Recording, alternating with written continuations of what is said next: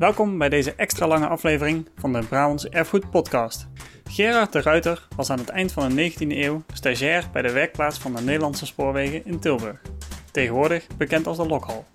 Op 12 augustus 1896 riep hij elf vrienden bij elkaar in een Tilburgse stamcafé Marines. Daar richtten ze samen de eerste voetbalclub van Tilburg op, Tilburgia. Een eerste officiële wedstrijd volgde anderhalve maand later.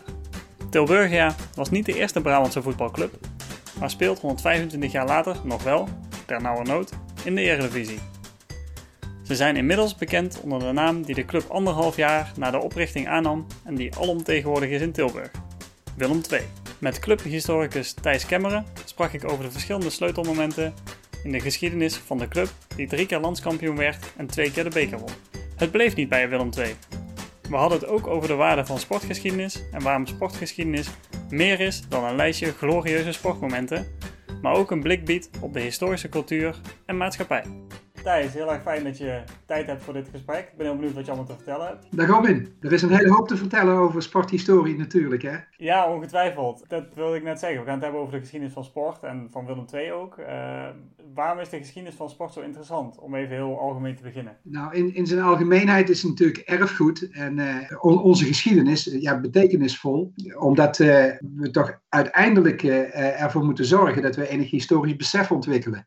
Uh, overigens vind ik wel dat uh, die sportgeschiedenis een echt een integrale plaats zou moeten hebben binnen de, binnen de reguliere geschiedenis. Mm. Dus dat het niet als een uh, apart onderwerp ergens alleen voor mensen die een hele anekdotische manier bezig zijn met, met het verleden van sport. Ja. zou moeten zijn. Het, het, zou wel integraal moeten wezen. Waarom is dat? wat is dan de, de bijdrage van de sportgeschiedenis als het ware? Kijk, mensen die, die sporten, of die sport beleven, actief en passief, mhm. die kennen gewoon een hele diep emotionele ervaring van de wereld van de mhm, sport. Als je daar niks mee hebt, dan, ja, dan, dan, kan je praten als brugman. Maar heel veel mensen hebben dat dus wel. En wat je kunt is door, door de bril van die sporthistorische gebeurtenissen of locaties of de standbeelden die neergezet worden.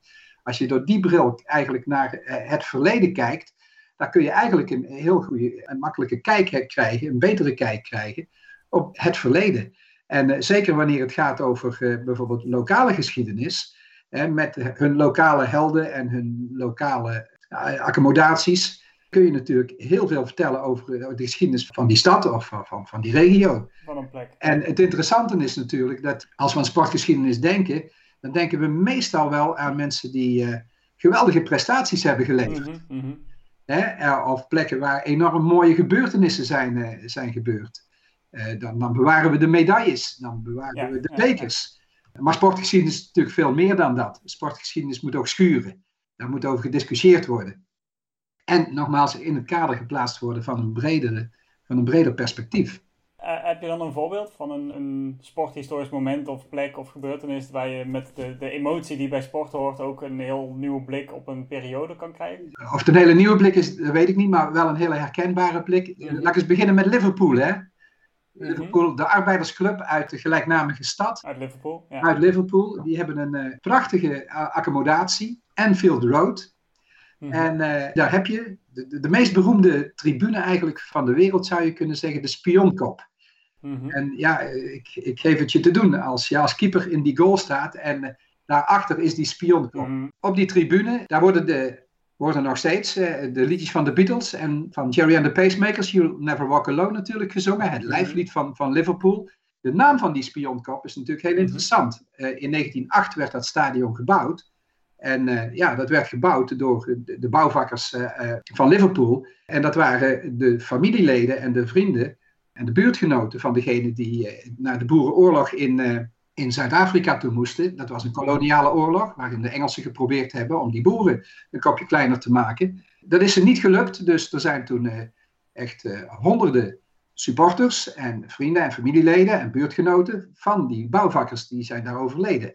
Op die spionkop, want die berg waar ze, waar ze dus dat gevecht hebben gehad, dat was de spionkop. Nou, die naam hebben ze daar gegeven en die herinnering kan je natuurlijk heel goed gebruiken, als het ware, om iets meer te vertellen over de koloniale verleden van de Engelsen. Ja.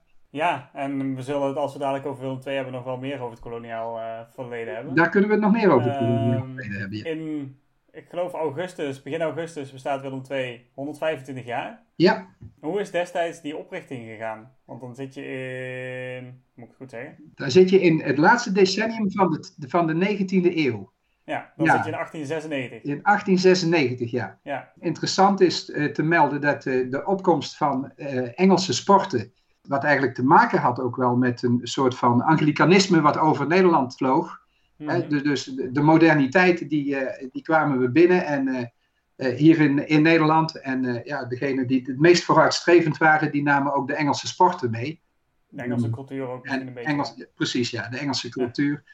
Uh, zoals de kleding bijvoorbeeld, uh, maar ook uh, bijvoorbeeld het, het, hockey is in die tijd naar, naar Nederland gekomen en het rugby -hmm. enzovoorts, maar ook voetbal.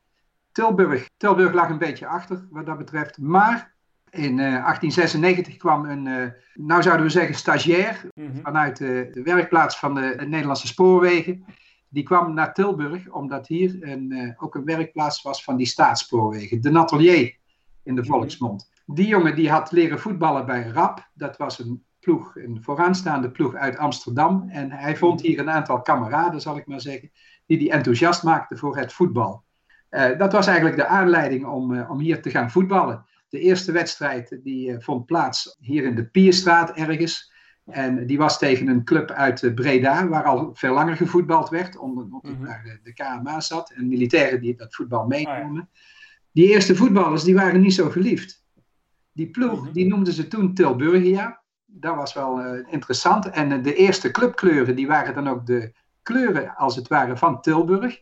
Mm -hmm. Namelijk uh, blauw en, en geel. En na een paar jaar, toen zijn er wel veel van de eerste weggegaan, maar een aantal andere zijn overgebleven. Toen is hier vooral gevoetbald door mensen die op de Rijks-HBS Willem II zaten. De mensen die op de Rijks-HBS Willem II zaten, dat waren min of meer buitenstaanders mm -hmm. van Tilburg. Er waren dus heel veel jongens of kinderen eigenlijk van mensen die uh, in, op die werkplaats werkten, waar nu de lokhal is, ja, zal ja. ik maar zeggen.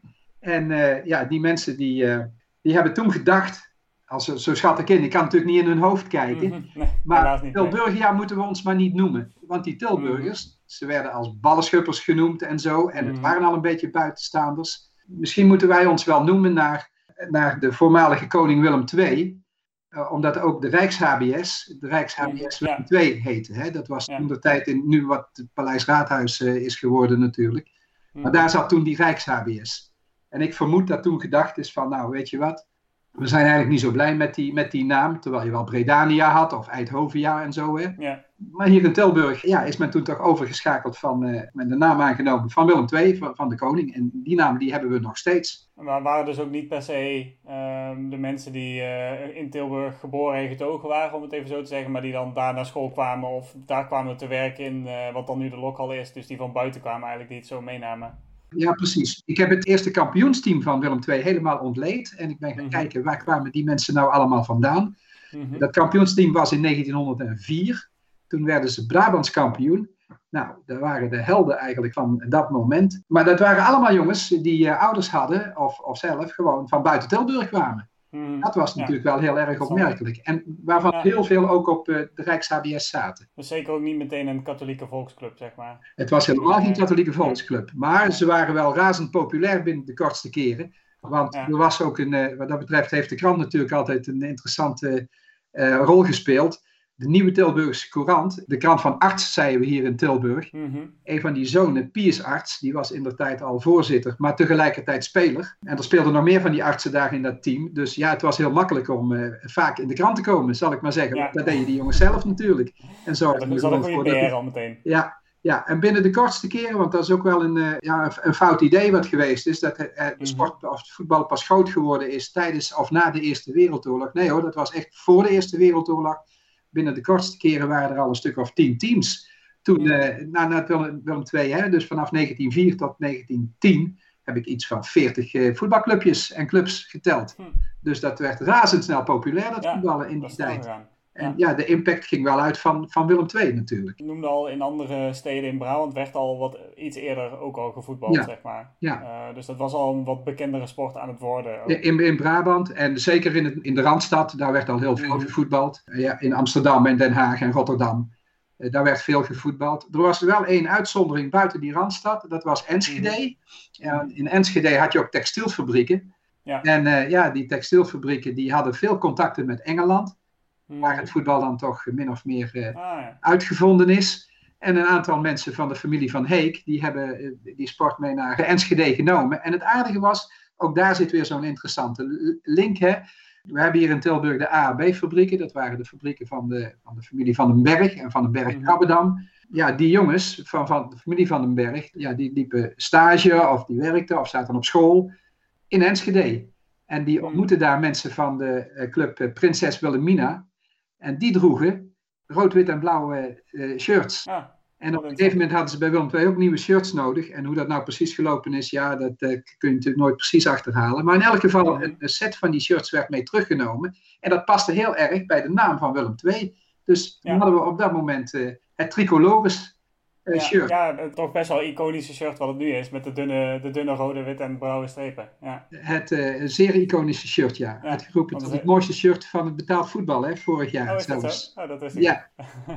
dat, dat komt dus ook eigenlijk door eigenlijk van die industriële economische contacten eigenlijk, waardoor zowel het voetbal als uiteindelijk dan toevallig dat shirt ook uh, ja. doorcijpelde als het ja, ware. precies. Uh, en natuurlijk omdat uh, die, die Rijks-HBS Willem II heette. Hè? Dus dat oude paleis van die koning, waar die dan zelf nooit in heeft gewoond. En mm dat stond hier maar leeg hier in Tilburg. Mm Totdat men bedacht van, hé, hey, ook Tilburg moet een Rijks-HBS krijgen.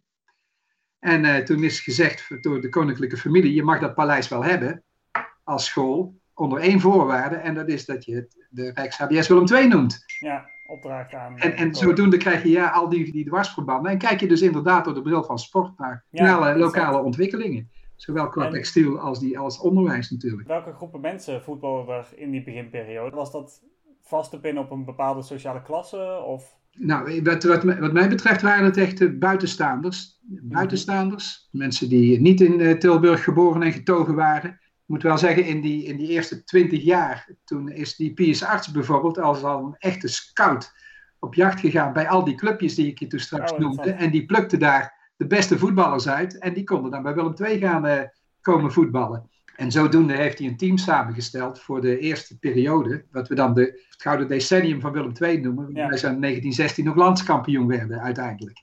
Ja, en was het voetbal hier wel, wel gevestigd in, uh, in Tilburg. Dus het waren wel buitenstaanders, eh, kinderen van echte arbeiders. Ja, dat weet je, hè, die gingen op 12-jarige leeftijd de fabriek in. Dus die kinderen waren het niet hoor. Ik denk hmm. meer dat het zo'n beetje de, de wat hogere middenklasse was. Ja. Maar niet de conservatieve elite uit uh, Tilburg. Die namen die zie ik in ieder geval niet in die voetbalclub terug. Nee, het moeten ook natuurlijk mensen zijn geweest die wel vrije tijd hadden, om het zo te zeggen. Eh, om daar tijd aan te Ja, ja en heel vaak jongeren nog hoor. Dus, dus uh, zittende op school. Ja, voor mij een bekend voorbeeld daarvan is uh, van, van, die groep, hè, buitenstaanders, is Constant mhm. Kremer. Ja, ja, dat wil ik net zeggen. Dat is een goed bruggetje. Ja. Een van die eerste Willem II elftallen waar ook eigenlijk de, voor nu bekend in elk geval de eerste donkere Nederlandse voetballer. Ja, nou in ieder geval de eerste, voor, voor zover bekend hè. Ja, ja zo is het natuurlijk altijd de eerste Afrikaanse voetballer in ieder geval. Hele donkere jongen. Ja, we kwamen hem op het spoor via een van de foto's van uh, het elftal van Willem II. Dat we dachten van, hé, hey, zwart-wit foto, dat is altijd moeilijker te zien dan. Die jongen is donker. Mhm. En hoe kan dat nou toch? Dus ik ben toen op zoek gegaan naar zijn roots. En toen bleek hij in uh, Ango Ango geboren te zijn. Aan de rivier de Congo was het gelegen. En dat was toen de tijd mhm. Belgisch Congo natuurlijk. Die jongen heeft uh, een ongelooflijk bijzonder, bijzonder leven gehad. Ik heb zelfs nog een foto uh, van hem gezien, onlangs uh, geweest bij een kleindochter van hem, waarop hij uh, in Ango Ango samen met zijn moeder zat.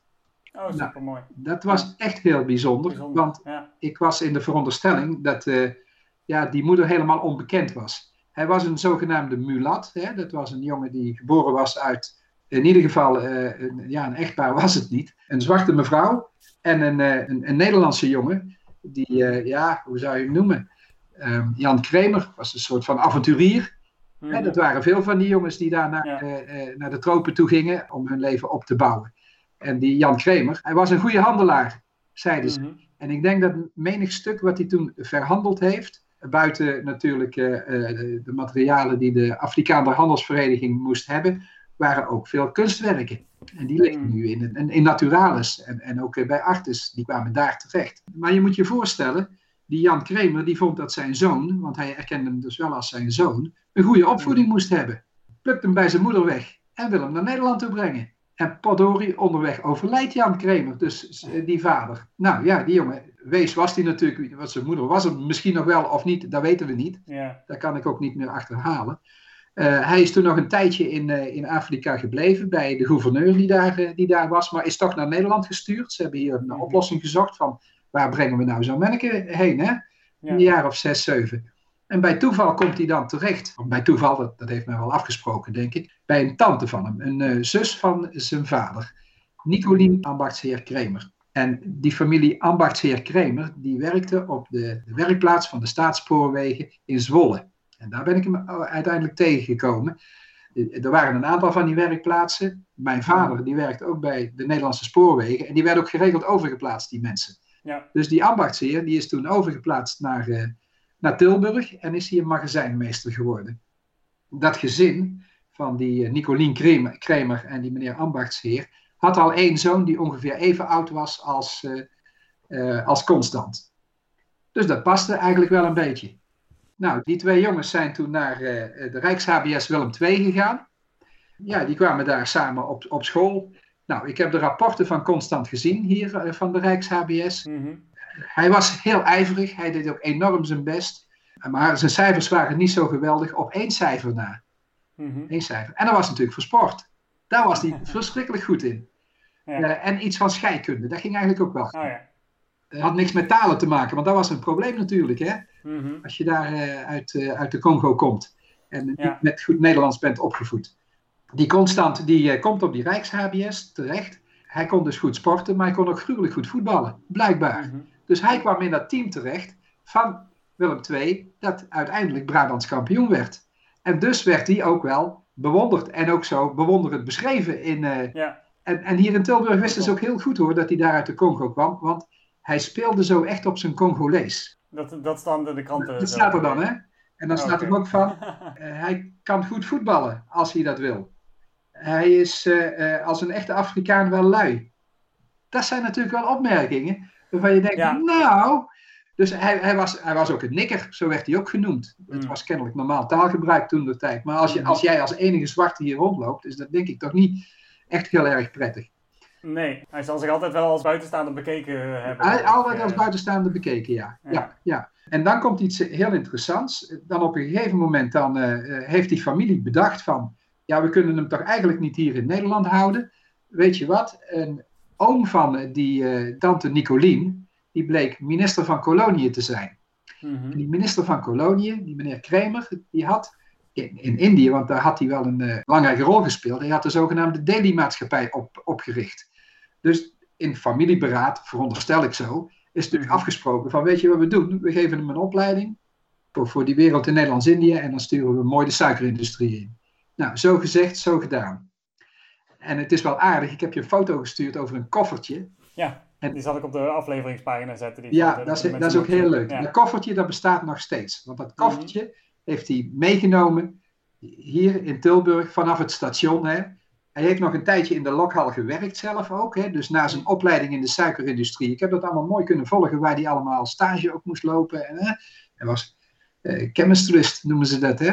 Toen, toen heeft hij nog een paar maanden hier in Tilburg gewoond. Heeft hij nog een wedstrijd gespeeld voor Willem II. Een soort van jubileumwedstrijd met het toenmalige oude glorie.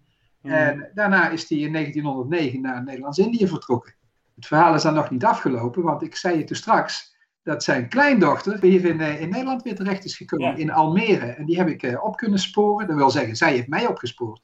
Mhm. En dat was eigenlijk wel heel aardig. En die kwam met een koffertje aan. En in dat koffertje, daar zaten dus allerlei spullen. Nou, hoe, dat koffertje had hij meegenomen daar naartoe. Daar was het natuurlijk prachtig. In 1937 is Constant overleden. Dat koffertje is bewaard gebleven. Met alle spullen die daarin zaten. En pardon, daar zat dus ook die foto in. Vanuit de Congo, hè, met zijn moeder. Ja, en, en, en toen kwam de Tweede Wereldoorlog. En daarna de Bersiap. En ja, die Constant was ook in Nederlands-Indië natuurlijk een buitenstaander. Hè? Ja. Ja, die, die is daar ook volop gediscrimineerd. Dat hoorde ik nou van, uh, van die kleindochter nog steeds. Mm Margreet van der Harst heet ze. En uh, die, die, had ook nog een dochter, dus ik heb met, uh, met, met hun uh, uiteindelijk wel uitgebreid gesproken. Die hebben dat koffertje ja, als zogenaamde buitenkampers. Ze zaten niet in de mm. kampen van Nederlands-Indië, maar als buitenkampers in, een, ja, in de grond gestopt. En ja, al die materialen en die spullen van die constant, is een archief zal ik maar zeggen, hebben ze daar mhm. geweldig bewaard. Uiteindelijk moesten ze, want die Margreet van der Harst, die is natuurlijk in 1955 geboren. En die moesten in 1956, zoals heel veel anderen, moesten die weer terug naar Nederland. Mm -hmm. nadat Indonesië echt zelfstandig is geworden. En nu ligt het koffertje dus in Almere. Hm. Met al die spullen. Ja, het is toch wel een bijzonder verhaal natuurlijk. en zo zie je maar dat je door de bril van, van sportgeschiedenis, in dit geval van Willem II, zo'n prachtig verhaal uiteindelijk uh, op, op het spoor kunt komen. Wat heel veel zegt uiteindelijk over de manier waarop wij ook met anderen zijn omgegaan. Ja. Dus in, in de tijd van Black Lives Matter, zal ik maar zeggen, is dit wel een verhaal wat ertoe doet. Ja, ja. Ja. En uiteindelijk, Constant Kremers is uiteindelijk ook overleden dan op uh, Nederland in, in Java. Ja, hij is op Java overleden in 1937. Hij is nog wel één keer terug geweest hier naar, naar Nederland, mm na zijn tante Nicolien natuurlijk ja, hij heeft ook wel de pech gehad dat daar de suikerindustrie, waar hij het heel erg goed gedaan heeft overigens, want hij is een soort van mhm. directeur geweest van een van die grote suikerplantages. Maar die suikermarkt die startte uh, ja, eind jaren 20 startte die volledig in. En toen is hij uh, directeur geworden van een school voor uh, weeskinderen of zo. Oh, ja. ja. ja. ja dat zijn natuurlijk bijzondere verhalen. Als je dan door die bril naar het verleden kunt kijken, ja. ja, dan zegt dat wel veel. Zeker. Ja, je hebt, dat is misschien goed om te zeggen, ook op de afleveringspagina zal ik een linkje zetten naar eh, de biografie die je voor ons hebt geschreven. Ja. Dan kunnen mensen het nog eens rustig doorlezen of daar staat nog veel meer in over Constant Kremen. Zeker. Volgende terug naar Willem II vanuit Nederlands-Indië. Ehm, in de jaren 50 heeft Willem II dan eigenlijk een nieuwe serie hoogtepunt, om het zo te zeggen. Ja, ja, ja. ik had het over de eerste gouden periode, dat is de tweede gouden periode. Ja, precies. Hoe, hoe, kwam dat? Ja, dat, dat, dat heeft twee redenen. Um, mm Eén, er was een goed team. Maar twee, ze hadden een fantastische trainer. Misschien mhm. wel, ik weet wel zeker, de beste die Willem II ooit gehad heeft. Mhm. Ondanks Co-Adriaanse. maar het levensverhaal van die man is uh, net zo bijzonder als uh, dat van, uh, van Constant Kremer. zijn naam is František Vaderonj. František Vaderonj was een Tsjech. Mm En die heeft ook een hele bijzondere geschiedenis. En je kunt ook door de bril van, van kijken naar naar Europese geschiedenis, zou je bijna kunnen zeggen. Maar mm. ook naar, naar thema's als exclusie en inclusie en discriminatie en, hè, enzovoorts. Mm -hmm. uh, was de zoon van een machiniste. En hij is geboren in Nimburg. Dat was uh, in 1914, als ik het uit mijn hoofd zeg. In de Eerste Wereldoorlog. En dat hele gebied was eigenlijk nog, viel nog eigenlijk onder het Habsburgse Rijk. Dus ik maar zeggen Oostenrijk-Hongarije. Oostenrijk, ja, precies. Ja. Maar dat was een plaatsje wat zo'n kilometer of 50 uh, ten oosten van, van Praag lag. Mm -hmm. En ja, die, die, jongen die kon gruwelijk goed sporten en hij kon gruwelijk goed studeren. Mm -hmm. want hij studeerde uiteindelijk af op de Universiteit van Praag. Hij deed ook een soort van sportacademie en, en antropologie studie mm -hmm. bij, bij elkaar. Dat waren als een mhm. dubbele studie. en hij promoveerde op een onderwerp wat ging over de betekenis van sport voor kinderen uh, op basisscholen in, uh, in Tsjechië. Oh, interessant. Dat is heel interessant. Want de bewegingsarmoede die we nu hebben, hè, op al die basisscholen, daar sprak hij toen dus al over. Hè? Ja, dat is natuurlijk uh, heel bijzonder. Ja. Dus Vaderons had heel veel belangstelling voor opleidingen, bewegingsonderwijs enzovoorts. Ook Tsjechië valt uiteindelijk een stuk Duitsland al heel snel in handen van Hitler. Mhm. En uh, eh, die, uh, ja, die, moet, eh, die, die wordt opgepakt en op de een of andere manier moet hij ook werken in fabrieken en zo. Maar na de oorlog, toen ontwikkelt hij eigenlijk heel veel contacten met de top van de Tsjechische regering na de, mm na de Tweede Wereldoorlog. En hij wordt hoogleraar aan de Universiteit van Praag. Maar hij wordt ook verantwoordelijk voor de ontwikkeling van de sport, de herontwikkeling van sport in Tsjechoslowakije. Mm En hij wordt bondscoach van het Tsjechisch team. Tsjechoslowaaks team. Al snel na de Tweede Wereldoorlog 1948 vindt er een communistische putsch plaats in Tsjechoslowakije. En ja, zijn vrienden, die dus hoog in de boom zaten, politiek ook, ja, daar worden er van vermoord, daar worden er van nooit meer teruggezien, daar vielen er van uit het raam. En Vaderhondje voelde zich genoodzaakt om te vluchten. En die vlucht naar Oostenrijk. En, en uh, ja, in Oostenrijk, zijn vrouw, Vera Kaliba, die uiteindelijk heel goed Engels en, en Duits sprak, die schrijft sollicitatiebrieven naar allerlei bonden in Europa. En bedacht mhm. van, ja, kijk, daar komt mijn man aan. En die kan geweldig coachen en kan dit en kan dat enzovoort. Mm Dat is toch niet zo opgepikt door uh, vele nationale bonden, behalve door, daar komt hij, Karel Lotzi. Karel Lotzi was toen de tijd uh, voorzitter van de KNVB. En die wist dat Willem II een nieuwe trainer nodig had. Mhm. Dus er werd een brief geschreven, of die brief die bij Lotzi aankwam, die werd doorgestuurd naar Willem II. En uiteindelijk uh, wordt geaccepteerd dat uh, trainer van Willem II wordt. Niet nadat er nog flink gediscussieerd werd overigens over het niet-katholiek zijn van Vader Dat was wel een probleem toen. Hè, in de meest katholieke stad van, uh, van, van het land. Maar Vader die komt hier en die maakt notabene Willem II twee keer landskampioen in 52 en in 55. Ja, dat is natuurlijk wel buitengewoon bijzonder ja. voor een Tsjech die ja, op de vlucht. En hij is hier aangekomen, ik denk met, met twee, twee linkerschoenen en, en in zijn trainingskloffie. Die man die had niks, was een echte vluchteling. Mm ja. Um, uh, dat elftal, dat viel natuurlijk uit elkaar na 1955, want dat heb je altijd bij elftalen die te lang bij elkaar blijven, dan gaat het mm niet goed. Toen is hij trainer geworden bij Sportclub Enschede en daarna bij Go Ahead Eagles en uiteindelijk trainer van het Nederlands elftal. En hij brengt het Nederlands elftal naar de wereldkampioenschappen voetbal van 1974. En we weten allemaal wie daar toen op de bank zat. Daar zat Michels op de bank. Dat was natuurlijk mhm. wel, uh, wel, wel, jammer. Dat eigenlijk het team van Vaderhonch en ook het spel wat Vaderhonch al bij Willem II speelde. Hè, dat zogenaamde totaalvoetbal. Dat mhm. speelde hij eigenlijk ook met dat Nederlands elftal. En ja, totaalvoetbal heeft natuurlijk vele vaders. Als iets heel goed gaat, dan ja. wordt dat, trekt dat iedereen naar zichzelf toe. Maar ik denk dat uh, Vaderhonch, uh, komende ook wel uit het ijshockey, daar speelden ze al veel meer totaal ijshockey. Hè? Dus de, mm. de, laat maar zeggen, de, de, de, achterspelers en de voorspelers. En dat werd uh, goed door elkaar uh, gehutseld. En, en Vaderhonch, die, die wordt dan ook nog, dat vind ik uh, nog wel een heel bijzonder moment. In 1967 ook nog Nederlander. En wat dan heel bijzonder is, is dat na dat beroemde wereldkampioenschap 1974, de finale, weet je wel, zijn we er toch ingeluisterd. Hè? Mm -hmm, die, die struikelde. Um, en we kregen een penalty tegen en we verliezen die wedstrijd alsnog. Anders waren we wereldkampioen geworden. Die vaderhondje die krijgt, omdat ze dat hebben gepresteerd uit de handen van een van mijn helden, Joop de Nijl, toch een lintje. Hij wordt ridder in de orde van Oranje Nassau. En dat vind ik wel zo'n bijzonder verhaal. Een trainer die uh, ja, eigenlijk uh, toch wel in, in, die periode dat hij trainer was van het Nederlands elftal, door die Amsterdamse brutaaltjes, zal ik maar zeggen, wel een beetje mhm. geschoffeerd werd dat was natuurlijk niet altijd even, even, even prettig voor hem. En dan min of meer opzij gezet werd. Uh, omdat er een andere trainer zou moeten komen. Dat werd dan Michels. Het, het, het aardige is wel dat um, hij een hele goede, goede relatie met Johan Cruijff had. En die mhm. kende niet al van, van kleins af aan, zal ik maar zeggen. Toen hij bij Sportclub Enschede uh, trainer was, toen uh, kwam een Arend van der Wel uit Amsterdam. Die trainde ook bij Sportclub Enschede. Die speelde daar. Die nam Cruijff mee. Cruijff had met zijn vader verloren. En uh, die mhm. mocht in de vakanties mee naar uh, Sportclub Enschede. En zo de, de, de, jonge Cruijff nog? De jonge, hele jonge Cruijff, ja. Hebben die twee elkaar leren kennen.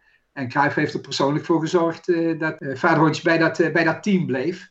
Hè, dat dan uiteindelijk dat WK speelde. Ja, dat vind ik ook wel een heel bijzonder verhaal. Ja. De levensgeschiedenis van een man. Maar wat ook heel veel zegt over Europa en over onszelf. Hè? Want ja, geschiedenis zegt ook wel altijd de manier waarop wij naar het verleden toe kijken op welke manier zo'n zo ja, krachtige persoonlijkheid zich uiteindelijk toch, eh, toch heeft kunnen handhaven. Zijn ideeën overigens, over dat, uh, die jeugdsport, die leven nog steeds bij de KNVB. Er is nog steeds een Frantiziek Vaderhondje toernooi. Dus als ik aan mijn oh, studenten op Speco vroeg van, kennen jullie Frantiziek Vaderhondje? Zeiden ze van, ja meneer, die kennen we, want ik heb op dat toernooi gespeeld. dus dat achterliggende verhaal, dat hadden ze nog nooit gehoord. Nee, precies. Maar, maar, wel dat toernooi. Dus in die zin is hij wel geëerd, zal ik maar zeggen. Ze, ze, wisten niet wie het was, maar ze hadden de naam wel ooit gehoord. Ja, ja, ja, ja, aan zo'n jeugdtoernooi, wat dan wel heel erg past bij zijn uh, filosofie. Zeker, zeker, zeker, zeker. Ja, interessant. Want ik wou net zeggen, het, is niet heel, het was voor mij uh, een volledig onbekende naam toen jij me mailde. Ja. Dat is misschien ook omdat ik niet zoveel van de geschiedenis van Willem II weet in principe, maar toch.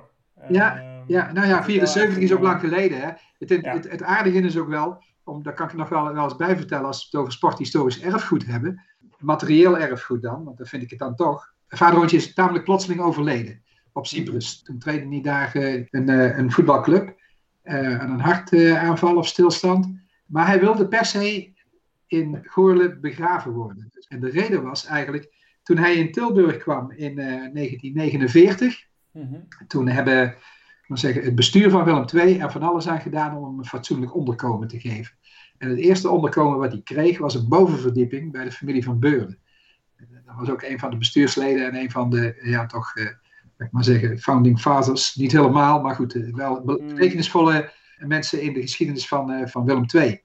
Hij heeft daar gewoond en heeft uh, natuurlijk kennis gemaakt met, met die gezinsleden. Er was, een, er was een weduwe die nog een aantal zonen in huis had.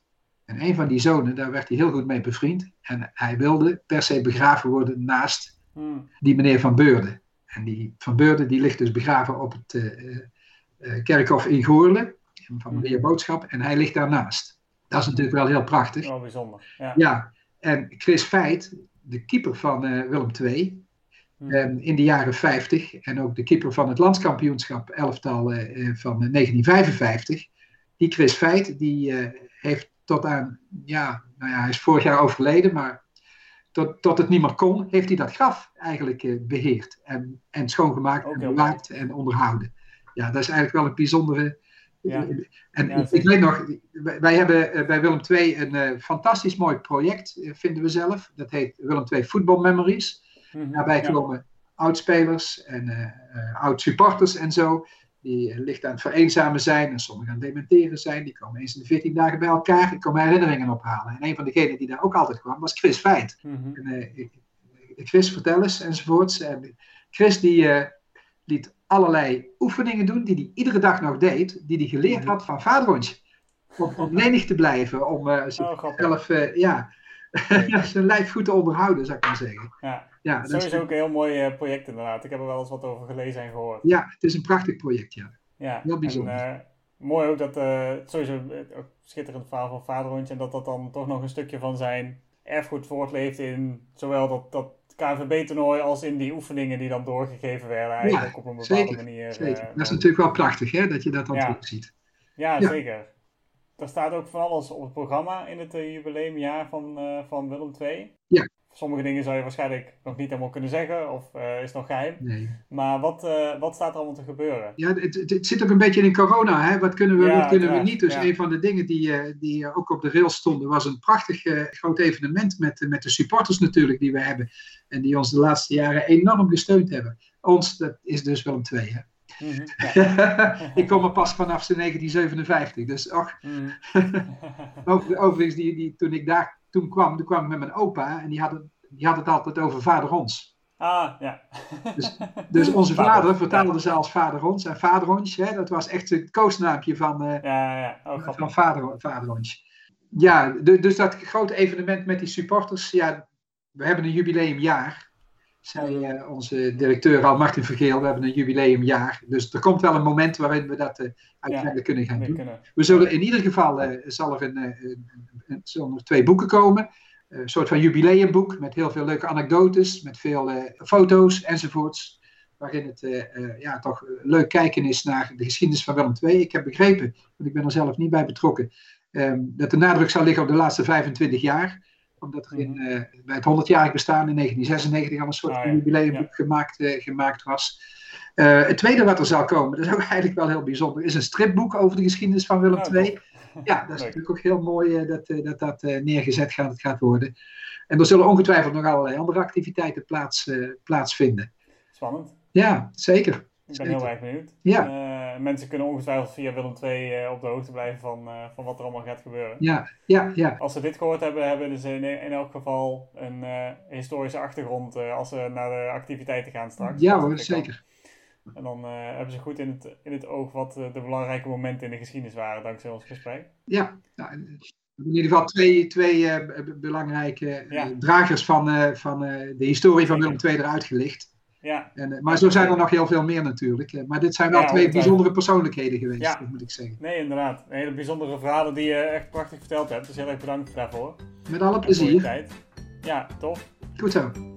Achtergronden bij deze aflevering vind je op de afleveringspagina op brabantseerfgoed.nl slash podcast.